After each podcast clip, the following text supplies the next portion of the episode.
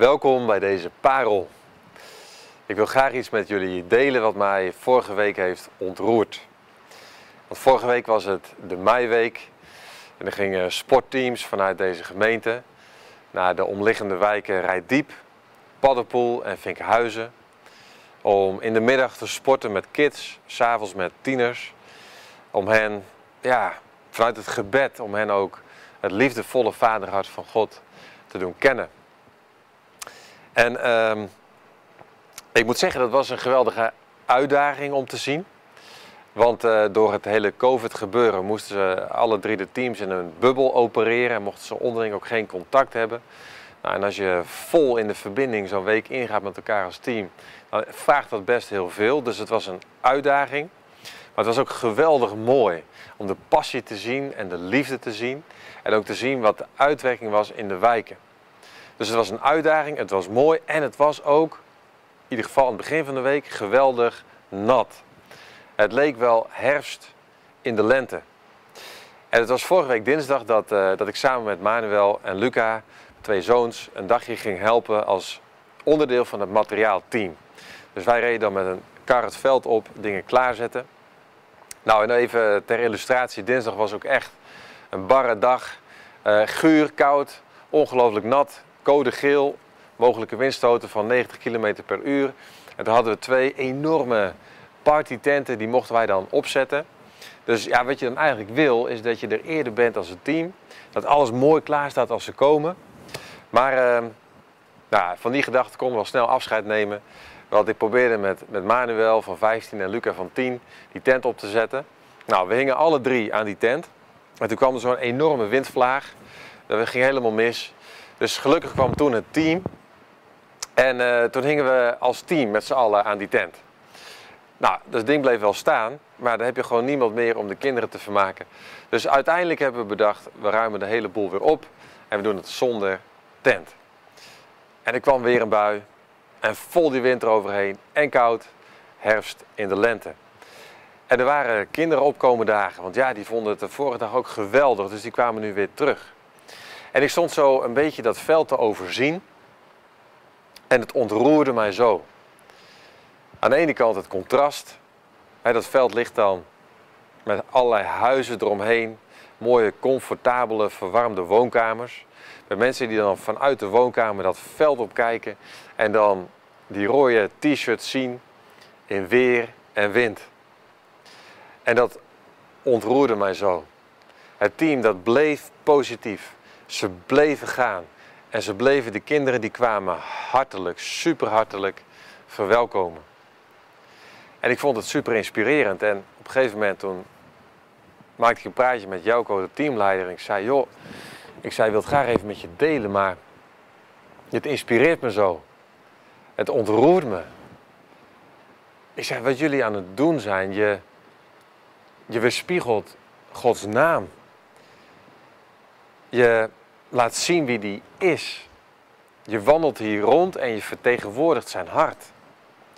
Zo ervaar ik dat, want het is koud, je hebt windstoten, het regent. Je had op talloze andere plekken kunnen zijn, maar je kiest ervoor om hier te zijn, om trouw te zijn, om op te komen dagen, om er te zijn.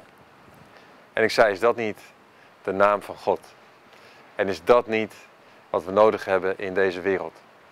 Dat er teams zijn, dat er mensen zijn die Gods naam vertegenwoordigen. En dat deed me denken aan de bekende geschiedenis misschien minder bekend.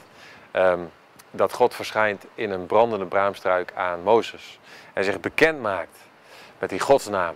Ik zal er zijn. Ik ben. Of denk aan openbaring.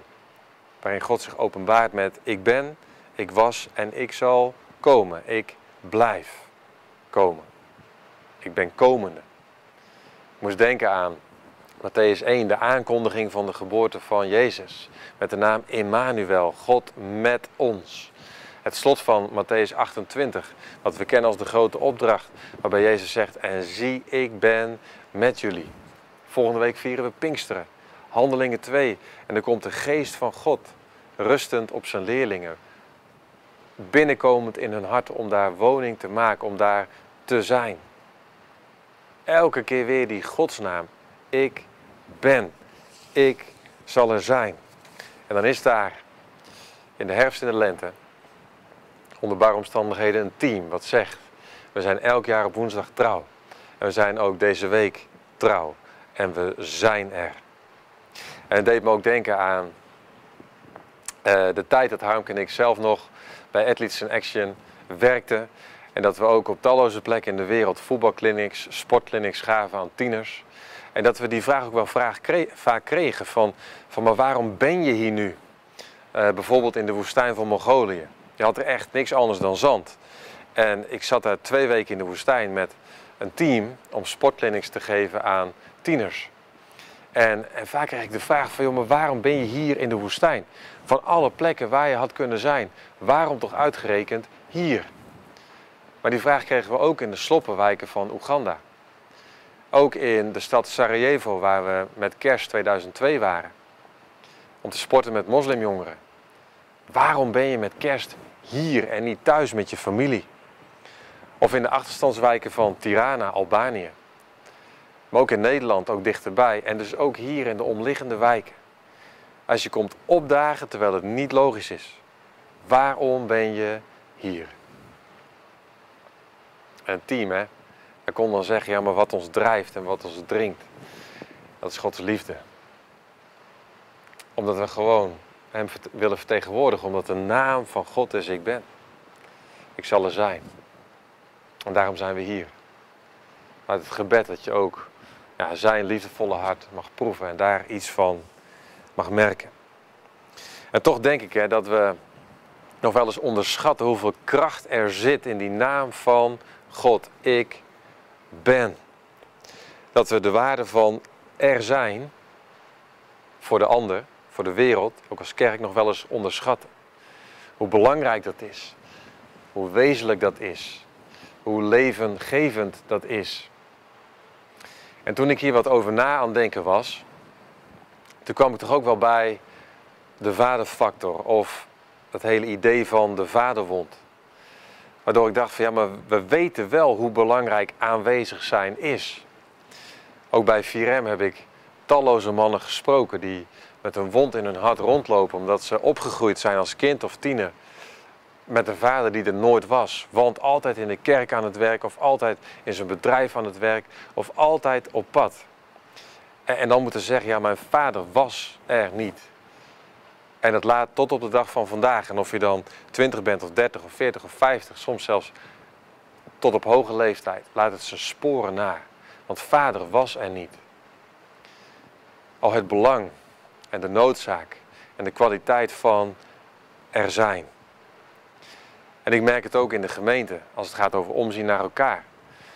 Als je dan lekker bent ingebed en er gebeurt iets en je komt iets meer op afstand, dan kun je je afvragen, maar waar zijn nu mijn broers en zussen? Voel je, waar zijn ze? Er zijn. Desnoods met woorden. Het is super wezenlijk. Er zijn. En God zelf vindt het ook ongelooflijk belangrijk. Hij maakt zijn naam ook waar.